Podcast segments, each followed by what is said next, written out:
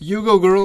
Gremo v novo epizodo Metinega čaja, podcasta o medijih, dobrih in slabih praksah, novih tehnologijah in trendih prihodnosti. Gosti v medijih delajo, z njimi živijo in o njih razmišljajo. Gostitelja pa sva Aljaš Pengovitenc, Radio Chaos in Nataša Briški, Metina listam. Aljaš, živeli.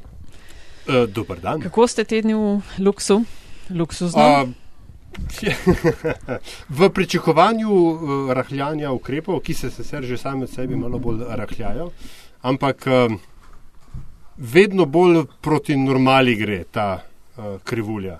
Nismo pa še tam. Pa še tam. A so te že testirali? Mislim, da si v enem od podkastov omenil, da uh, vas bodo vse testirali. Ne? Ja, tak je plan, ampak o tem se še. Uh, ne da se nič ne ve, ampak so nekako segmentalno so se tega lotili, tako da še nisem bil žreben. A, okay. No, obveščaj, daj, da boš povedal, bom. kako bo. Ja.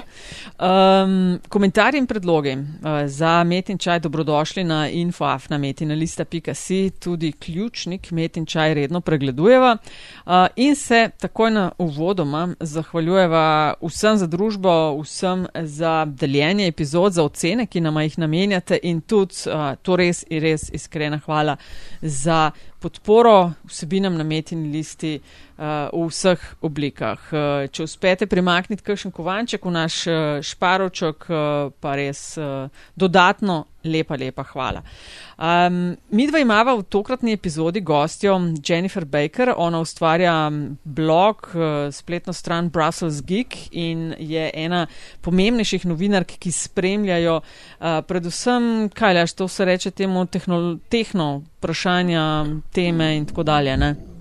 Ja, mislim, da je več kot samo to, o, se pravi, tehnološki aspekti, digitalno, ja, pravice. O, de, pravice, informacije oziroma dezinformacije. Ja. Skratka, vse to, kar danes razumemo kot nek uh, informacijski mehurček, ki se pač pre, pre, prekriva z družbeno-političnim dogajanjem. Ja, tako da ona nam bo vse povedala o tem svojem blogu in o tem, kakšno je stanje v EU, pa mogoče razbijemo še kakšen uh, tam dezinformacijski mehurček, kakšno zgodbo, za katero smo mislili, da mogoče drži, pa ne. In uh, skratka, vse te podrobnosti. Tako da zdaj pa angliščina in. Jennifer Baker, Brussels Geek, thanks so much uh, for being with us, for being a guest uh, of a podcast, Meta Sti. Nice to speak to you. Uh, it's totally a privilege to have you here with us. Uh, I know you must be super busy these days. Uh, what's occupying you mostly? Uh, well, I suppose the two big stories I'm, I'm covering um, a lot are the uh, the question around disinformation uh, and the coronavirus pandemic, and, and and what role the platforms have in being responsible for all the information we're seeing shared. You know, the hoaxes and the bad medical advice and so on. And then the other stories I've been writing about a lot is the tracking and tracing apps and the implications that they have for for privacy, for security, for interoperability, and so on. So those, I guess, are the, the two big stories at the moment, which, you know, makes a change from always talking about Brexit, which we were last year. So. Where's Brexit? Yeah, exactly. Like three months ago, Aljaž, we have been talking about it all the time, listening to the podcasts and stuff. Now it seems like it sort of disappeared. Yeah, I miss the good old days. you know, the, the predictability of the to and fro between London and Brussels and the inevitability of a 11th hour sort of compromise. Now all that seems to be uh, up in the air. And but uh, Jennifer, you, as the rest of Brussels and indeed most of Europe, have not been up in the air. I seem to remember you have a bit of a rage flight flight we we, we had a little bit uh, uh, uh, a little bit of a communication a couple of months ago about you not being a particular fan of waiting uh, in the waiting rooms of, of, of, of uh, airports. But it's a long winded way of actually asking you, how's the lockdown been for you? Well, I mean, it's uh, it's fortunate for people like me that i am able to work from home and I, I, have all the things I need set up here.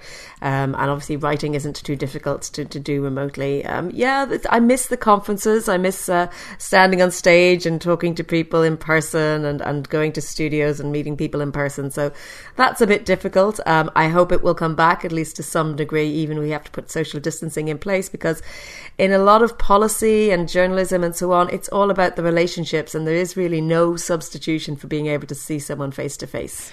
Jennifer, you mentioned two topics that uh, you have been mostly focusing on uh, uh, lately. We want to talk all about that, but before we start, um, the same question to all of our guests, and that is for those who don't know you, who are not familiar with your work, could you tell us a little bit about your media career? What have you been doing so far? What are you doing now? Um, well, it's uh, it's more than twenty years, so it's quite a lot to cover.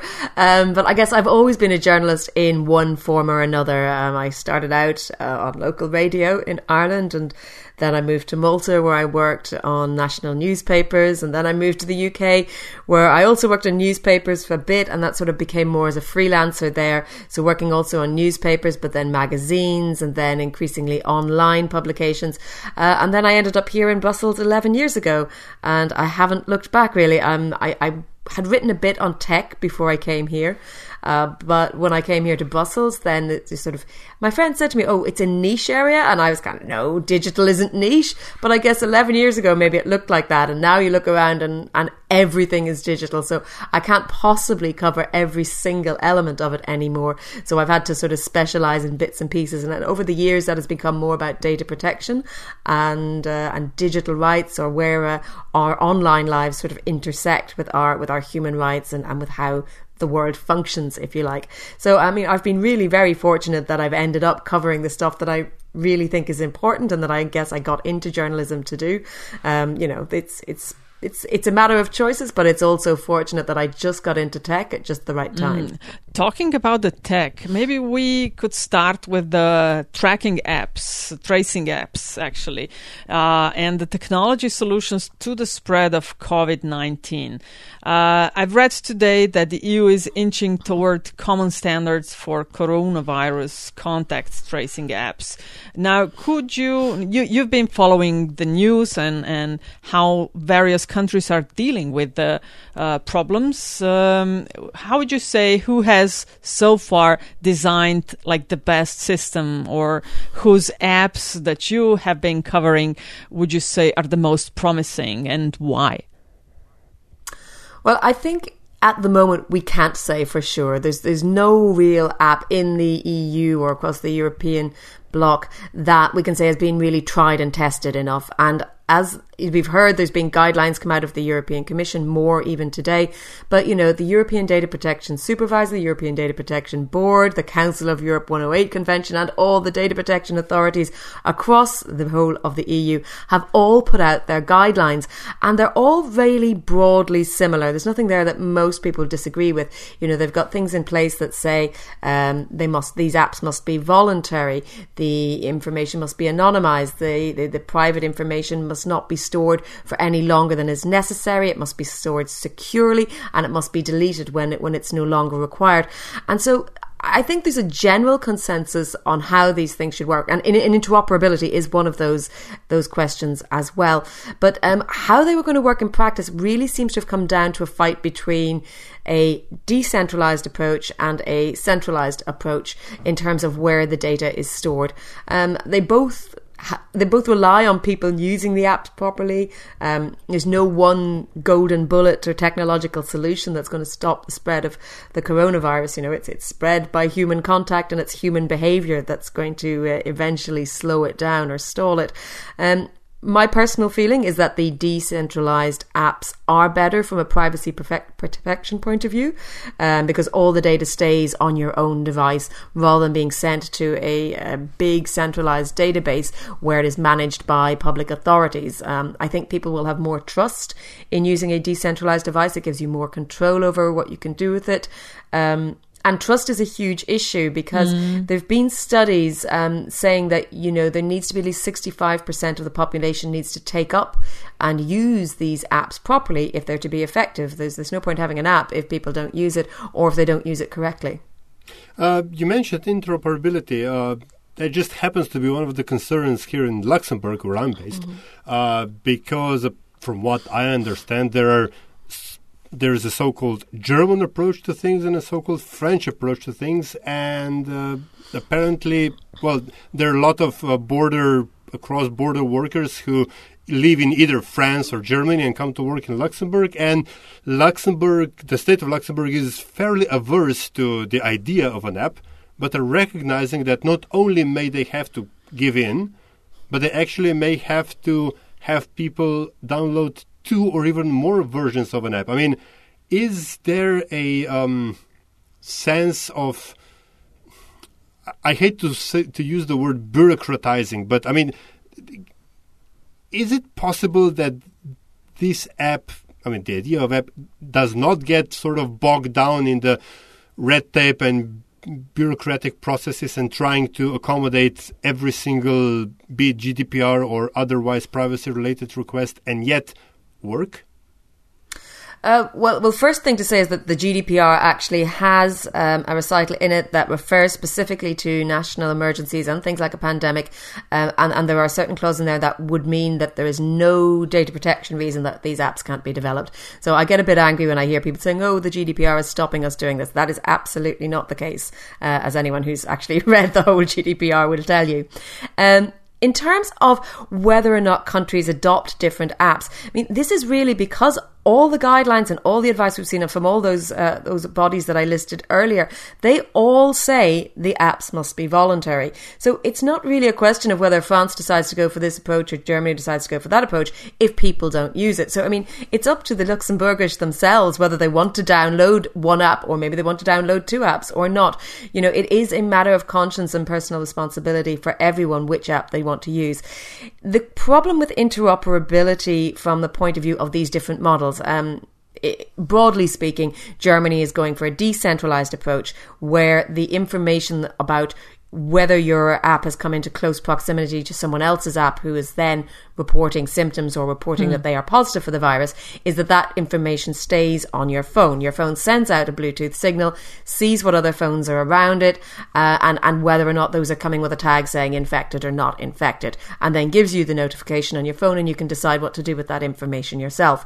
The centralized app, which is one that the UK and France seem to be pursuing, is where yes, your phone does the same thing. It's still sending out Bluetooth uh, signals to, to, find out what other apps are near it. But that information is then taken and sent into a centralized database where there will be some sort of processing of the information. Now, it's still supposed to be anonymized.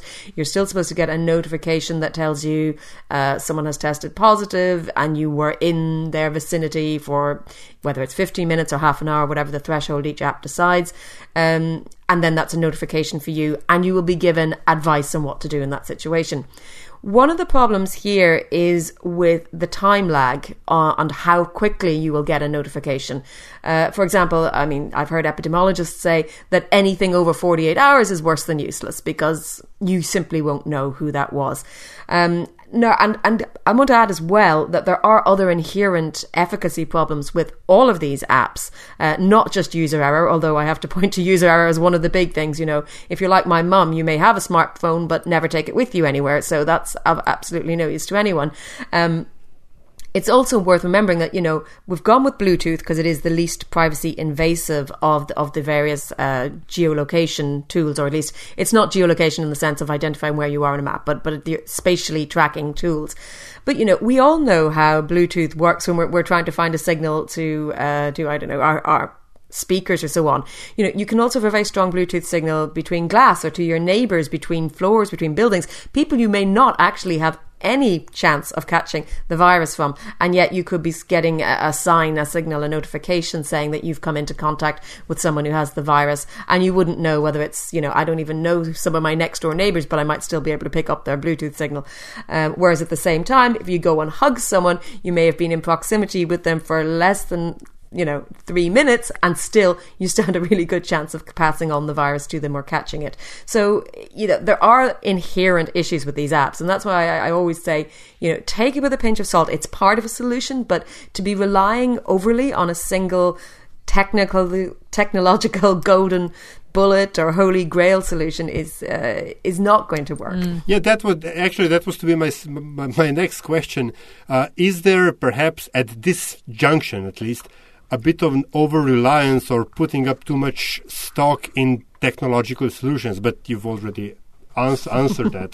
Um, however, uh, personally, do you find it, I mean, a bit ironic? I mean, as you said, digitalization is no longer a niche uh, uh, market or a niche issue, and yet we find ourselves in a situation as a society where nothing beats good old shoe leather, you know, foot footwork, uh, tracing contacts, and and and then on the other side of that coin, we find out that uh, uh, good old-fashioned journalism, where you actually, as you said, went out and met people, is by far more effective than reaching out people uh, over Skype or phone or whatever, and not missing that uh, personal contact. I don't think it's an either or situation. I think both are, are essential. I think we're very lucky um, to, to be lucky enough to have the tools that we have at our disposal. I mean, the internet has been, I think, overall a huge boon for society and humanity. So I certainly wouldn't want to take it away. Um, and, and we're talking here about digital information technology, but you know, let's not forget that that scientific technology actually may well provide the solution in terms of a vaccine. So uh, it's not just about human behavior, but it's also about human ingenuity. But uh, my my fear is just that we end up relying too much on one thing, and that people think because they've got an app that they're somehow suddenly immune, uh, which is obviously not the case. Uh, I can see why governments want to do it because it may provide a way to help loosen up the lockdown, which obviously people are finding difficult and frustrating. I am sure you have um, a better overview, definitely, than I have over what um, do other countries besides the EU and European countries do regarding that. How um, good or bad is EU and FAST uh, regarding that? who is has the most advanced solutions so far. I know we need still a cup, much more time to develop uh, more perfected solutions, but who would you say is leading the way? Is that the EU countries, any of the EU, or others?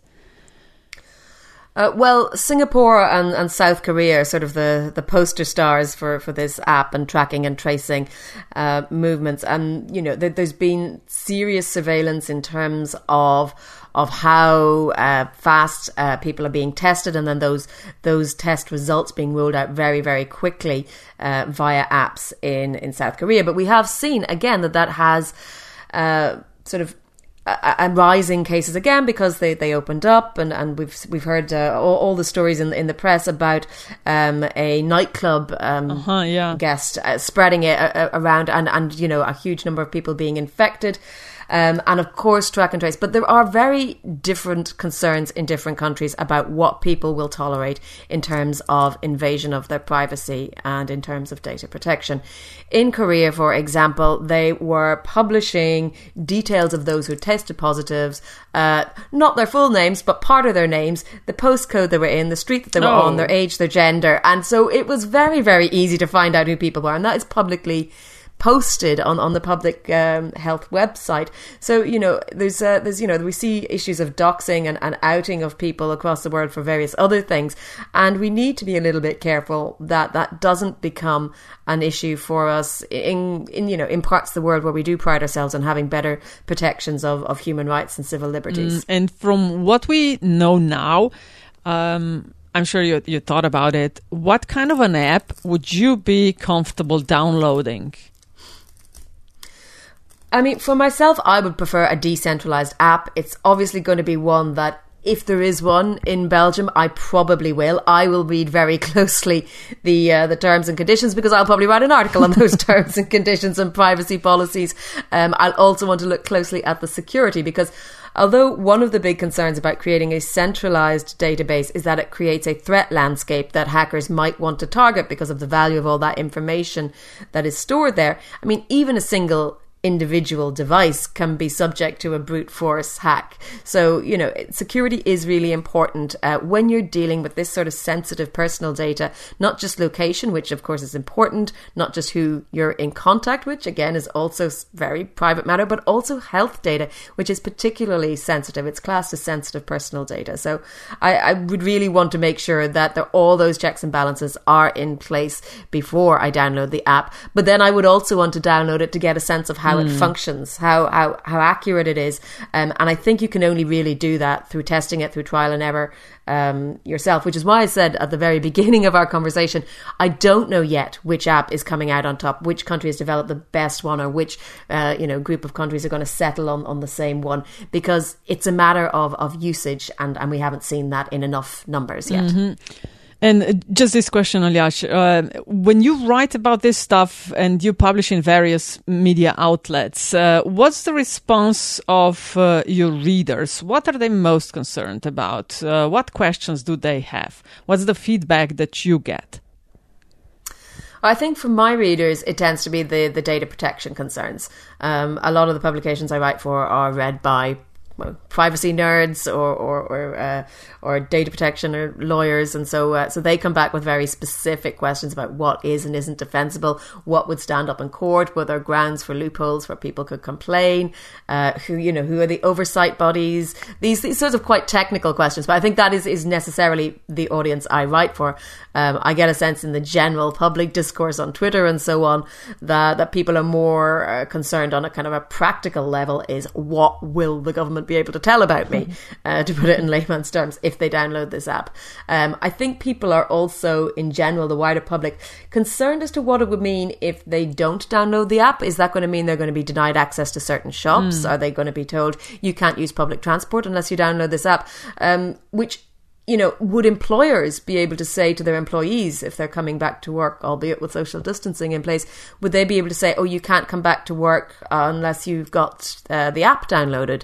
And, you know, and if that's a choice between downloading the app and your livelihood, uh, then I wouldn't say that that's a voluntary choice or a free exactly. and, and, and, uninformed choice. So, um, you know, it, it's there's, there's those sorts of questions are coming up, I think, in the public debate. Um, GDPR came up uh, a couple of times in uh, in our debate, and uh, I, I, was just wondering, on a more uh, general viewpoint, has has GDPR, has the European way of thinking about privacy issues and data protection and personal information, has it delivered? Has it come through? Is this the safeguard that if it weren't there, that that uh, our privacy would already have been invaded beyond, you know, I don't know. I mean, in some sort of a because of the specific crisis, uh, yeah, yeah. I, I, mean, you, you, mentioned Korea and all the hmm. d- data this, that's available publicly publicly there, and I think the three of us were a bit horrified by by that notion. Um, and if GDPR hadn't existed in the EU, and do you think that a scenario like Korean or anywhere else Uh, uh, would it would it have been possible in in the, in the EU? Uh, that's quite a speculative question. I mean, the GDPR did build on the previous data protection directive, so there were already plenty of safeguards in place. They just weren't, um, they didn't come with with the big fines, and, and they weren't quite so tight. Um, and also, it is worth saying that the the general data protection regulation pertains to information shared between uh, companies and people and individuals.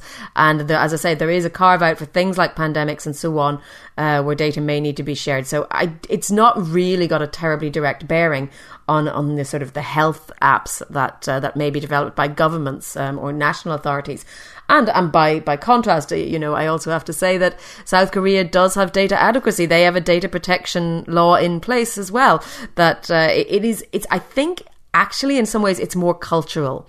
I think that uh, that in South Korea, and I speak as both my brothers lived there for, for many years, I know a little bit about the place, and there is a much more compliant public attitude to uh, governmental directives or, or, guidelines or laws. So, and I think in a way that you don't see in in all EU countries. I think Europe's a very diverse place, and, and, some countries will be be more inclined than others. But um, but in general, I would say it, it's a matter of public compliance with guidelines rather than necessarily the tech. I think what what South Korea has done extremely well has been the testing, which has been so impressive um, that they've had all the, the data to share. Um, I think you may see in other European countries there hasn't been quite the same level of testing, although Germany's doing pretty well and, and Greece is pretty well on top of it as well.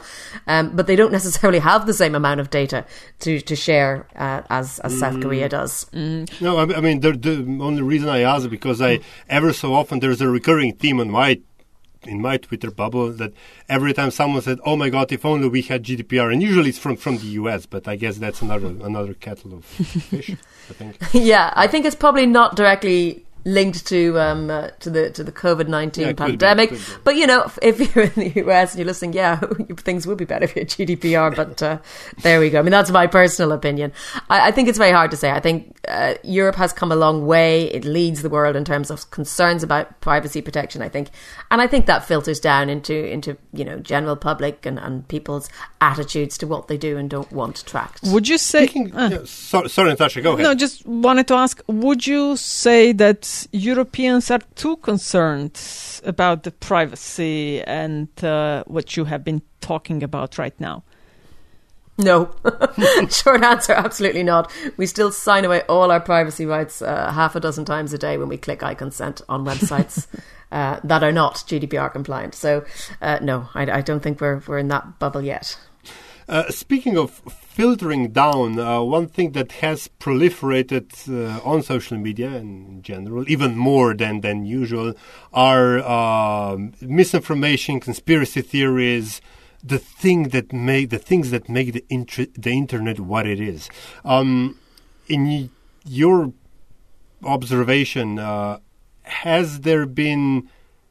I mean, were we at least as denizens of the internet prepared for the ons- onslaught of, of various conspiracy theories? I mean, have we, uh, pun very much intended, grown immune to it? Um, yes and no. I mean, I there's a huge surge in disinformation um, from malicious actors, you know, in a coordinated way uh, as a result of the pandemic. I mean, it's, it's these actors just taking advantage of the current situation. Um, and you would have thought that maybe we were, learned these lessons um, four or five years ago with the Cambridge Analytica scandal, uh, where it used all the Facebook data and you know disrupted the U.S. presidential election and, and claims to have been responsible for the the Brexit vote in the UK. So I mean, we should have been more sophisticated in tackling this. Um, but it seems to me that unfortunately, after the you know the scandal passes or the current crisis point or the headlines disappear, we we settle back into a little bit of complacency again. So, from a European response, there has been the the EU Code of Practice on Disinformation, which was established. Um, gosh, several months ago, more than a year ago now, um, and it was set up um, ahead of the uh, the European elections to try and, and be a stopgap to, to prevent the same thing that happened with, with Cambridge Analytica happening in the European elections. But it's voluntary, you know, it's self regulatory, um, so it doesn't really have much in the way of teeth um, in terms of encouraging compliance with the big platforms, um, and it's targeted at them. It's not because it's very difficult to. It's it's not targeted at the malicious actors themselves. I mean, a lot of it's state sponsored disinformation. It's really targeted at the platforms that are the intermediaries. Um, I have some sympathy with them in this regard, but at the same time, I don't think you can rely on uh, platforms whose you know bottom line money making business is to spread information and ask them to stop spreading information, whether it's disinformation or not. When we see that disinformation is what maybe gets more engagement, you know, you're asking them to act against their own economic interests. And, and you can't do that without real regulatory clout. And self regulation isn't going to do it.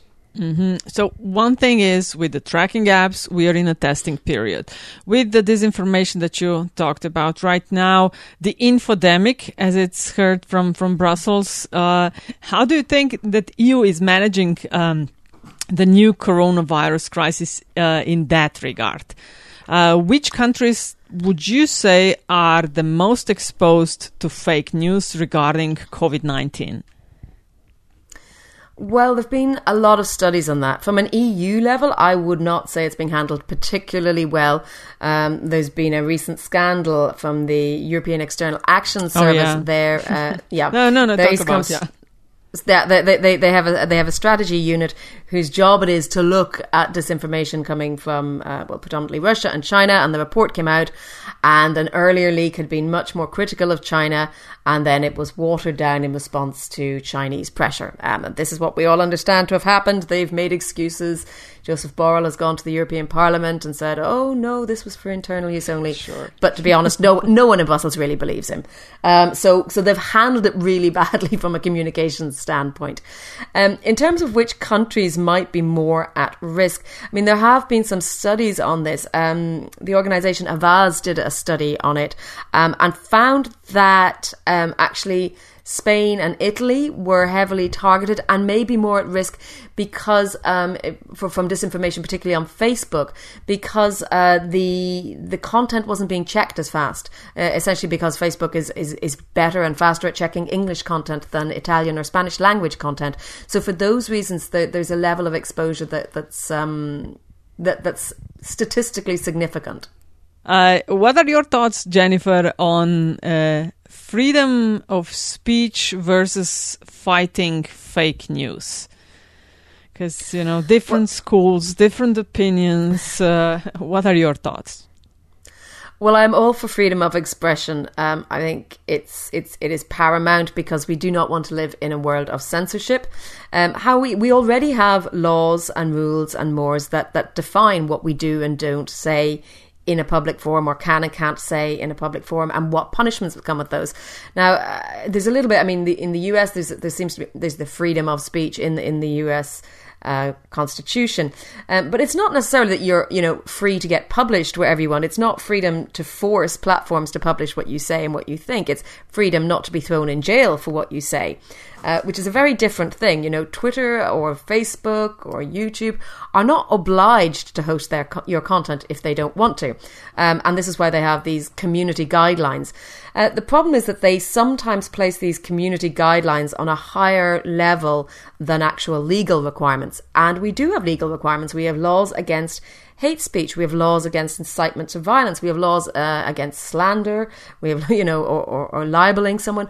Um, and these are all in place, um, sort of in a in a, in a pre-digital age. They should be upgraded to the digital age so that these platforms are held to account for these various things. Because I think as a society or as various societies in different countries, we've had the conversation about what we think is and isn't acceptable. So, um, you know, in, in Germany, there are particular rules around Holocaust denial, uh, which are not so sensitive in other countries.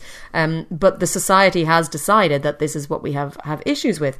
Um, and it doesn't just pertain to tech platforms. So I don't think this is necessarily a tech platform problem, if you like, but it's one that needs to be dealt. But but it, it's a cultural problem that's spilling over onto tech platforms. So I don't think we need to reinvent the re- the wheel in terms of freedom of speech. What I think we do need to do is hold the right people accountable. I mean, I believe in rule of law, and you know what I don't want is money making Silicon Valley tech enterprises suddenly becoming the gatekeepers of what it is and isn't acceptable to say.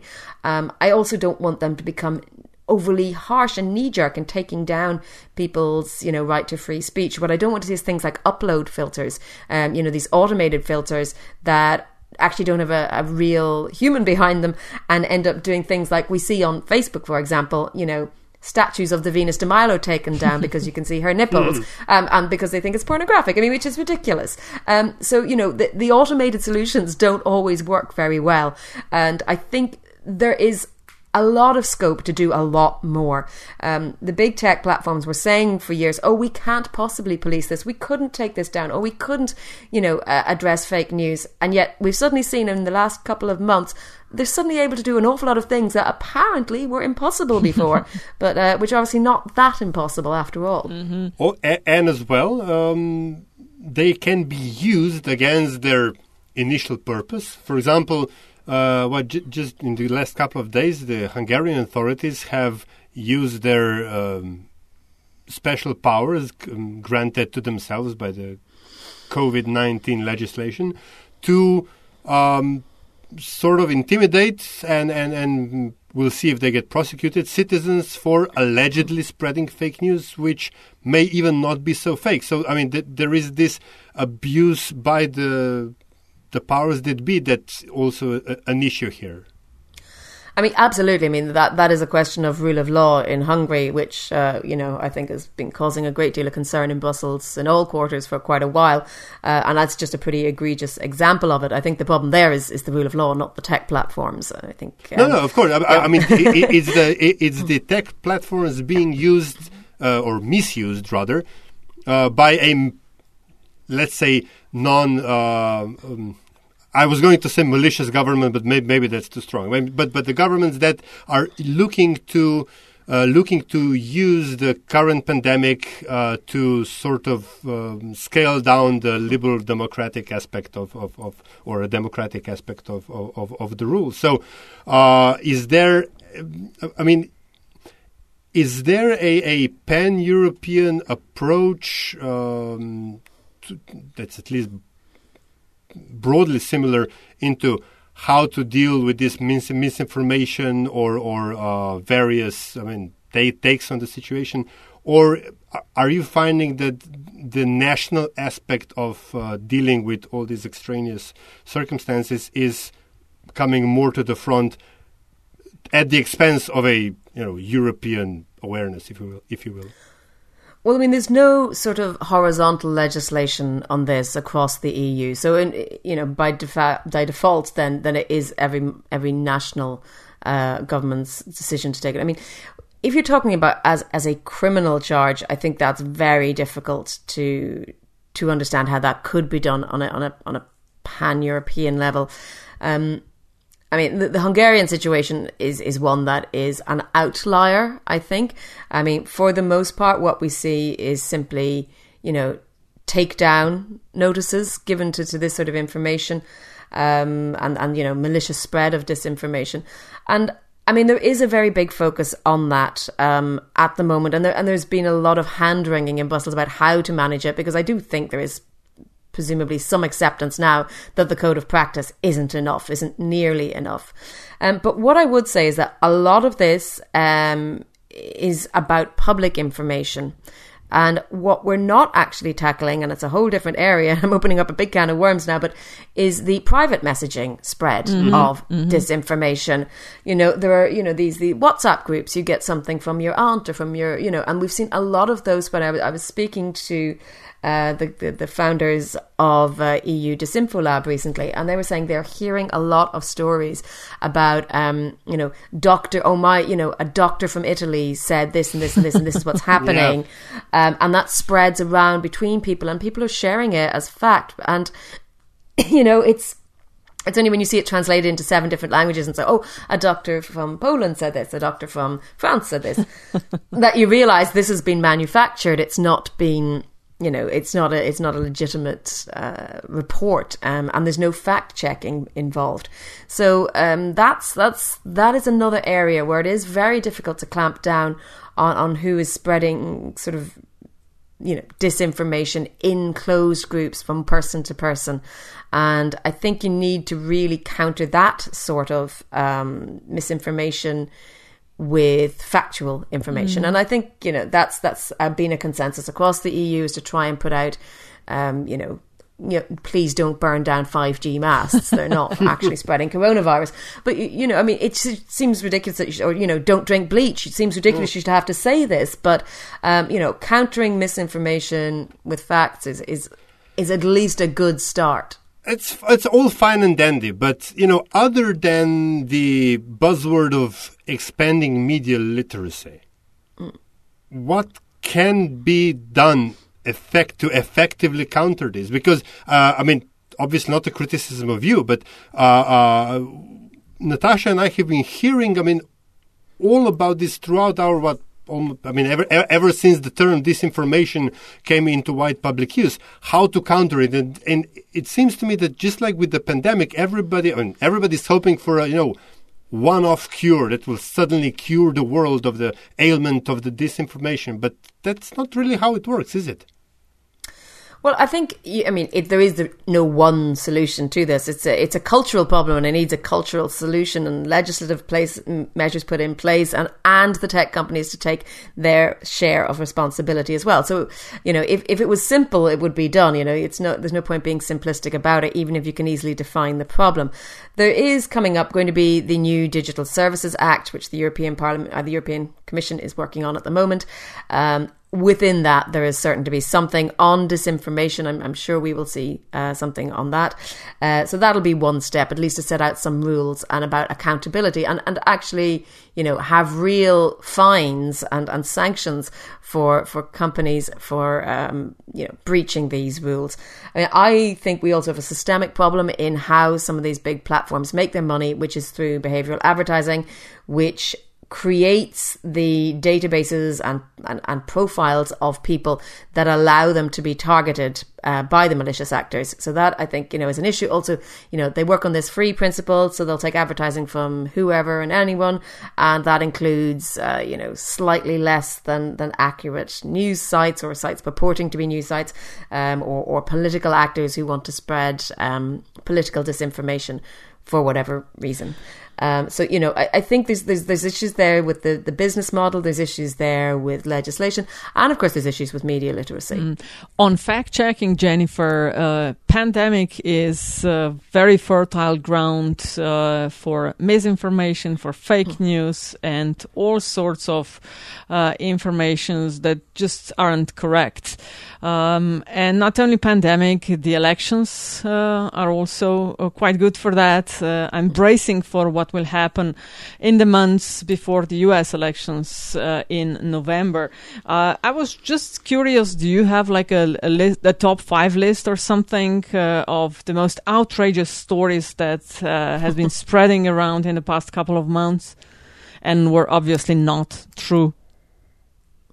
Well, I mean, I think, you know, uh, you mentioned the United States election. I think one of the biggest purveyors of fake news or of disinformation is the president himself. You know, uh, pondering whether or not it'd be a good idea to drink bleach is, you know, is, is horrific. Uh, you know, uh, and, and, you know, companies like like pharmaceutical companies and fact checkers shouldn't have to come out and say this but this is the world we're living in and there is a very difficult question here for journalists such as myself because if he stands up and says that, I mean, it is absolutely in the public interest to report that he said that. Um, you don't sort of not report it, even though it is clearly disinformation. Um, although in his case it might be misinformation, meaning not necessarily malicious, just ill-informed. Um, so, so you still have a responsibility to report that, but you have a responsibility to report it in a in a really uh, uh, safe way. Mm. Um, you know, we, we also had, uh, for example, in Pakistan, we had one of the leading clerics there oh, stand yeah. up uh, beside the prime minister and say that the coronavirus is because of women's lewd behavior. And I mean, again, you have to report that because you have to call out how outrageous that is. Um, but you have to report it in a, spons- a, responsible way, not just report it as fact. And and this is where um, traditional journalism has some of the the practices, the tools, the norms, and the ethics behind it to do it in a responsible way. I mean.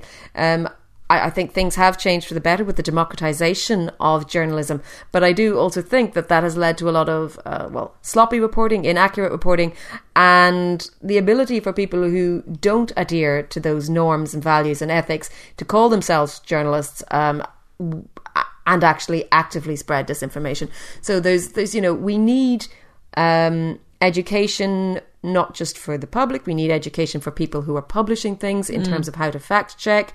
Um, we need, you know, takedown notices happening faster. We need independent fact checkers um, that are not actually tied to any government because, you know, the governments put forward their own propaganda as well. Uh, you know, sort of furthering, you know, for example, the European Commission um, on its website, it's uh, it says we are furthering our EU values, which is fine, but you know, you can't sort of be both bigging up the EU and its response and at the same time being completely independent. So you really do need to talk about independence and transparency as well. Um, these are all parts of the solution. I mean, the stories are the ones you've heard, you know, that, that 5G spreads coronavirus, that it was created in a lab, that you know I don't know Bill Gates is somehow behind it all. You know, it, it, they're, they're, they're ridiculous. I, I, try not to read them to be honest when they're that ridiculous. Yeah, you are all over the, the media place with with a specialized tech uh, media outlets reporting on tech policies and digital rights. And at your blog Brussels Geek, uh, one can, if they want, find everything, right? Yeah, I mean that's just that's that's where I syndicate um, all of the writing I do on these issues. I do some writing on other issues, mm-hmm, but it's not yeah. there because it's not particularly relevant. Uh, you can also see my weekly video show. Um, I mean, I'm also I speak on radio. I go on TV as well. That's not all there, but uh, most of it's there. Yeah, and if one can contact you or something, this would probably be a good start. And uh, could you trust us your uh, with your uh, Twitter account? Uh, yeah, it's Brussels Geek. Essentially, wherever you find Brussels Geek, that's me. it's, um, you know, you, will find it on my website, my email address, my Skype handle. It's, it's all me. I know, I know it's just it, it's only Wednesday, but uh, any, any, idea as to what this week's uh, tweet of the week will, will be? I couldn't possibly tell you. top top secret. Uh, no, we haven't. I haven't written the script yet, so I actually genuinely don't know. Okay, so guys, if you're listening to a podcast, definitely check Brussels Geek, and uh, you can find excellent reporting from uh, Jennifer there and other outlets as well. And Jennifer, we always end uh, the Metin čaj podcast we do with Aljaž for uh, many years now, uh, and the last first question is always the same to our guests, and so is the last question. And the last is simply to ask you to, to tell us something we don't know. Uh, you may share a story, an anecdote, a recommendation, or whatever. That's completely up to you. Just something that you find interesting and would like to share with our audience. Um, okay, so I mean, my geeky side is my techie side and my, my politics side, but I also have a very sci fi side. I'm, I'm obsessed with science fiction uh, in all its forms. Um, and I'm also a feminist, so I want to share what people may not know about the science fiction genre, which uh, it seems kind of like a really a boys thing, if we're, if we're being honest. Um, But actually, some of the best science fiction out there is feminist science fiction, and I love it. Um, my recommendation is, um, if you want to get started on it, is um, Ann Leckie's The Ancillary Justice series, uh, because science fiction allows us to you know, completely throw out genders and, and, live in worlds that don't exist, and so it's surprising and maybe a little bit counterintuitive. But uh, feminist science fiction is my top tip for uh, for surviving the lockdown. If you want to just live in a world that isn't the one we're in at the moment. Okay, we'll add the link uh, to a site. Yes, Aljaž. No, no, uh, just uh, thanks uh, for the tip. Speaking uh, as a lifelong Trekkie, I'm always interested in expanding my um, horizons to go where I haven't gone before. Boldly go. yeah. Uh, Jennifer Baker, thanks so much for being a guest of Metin čaj podcast and all the best. Very nice to speak to you. Thank you. Take care. Bye.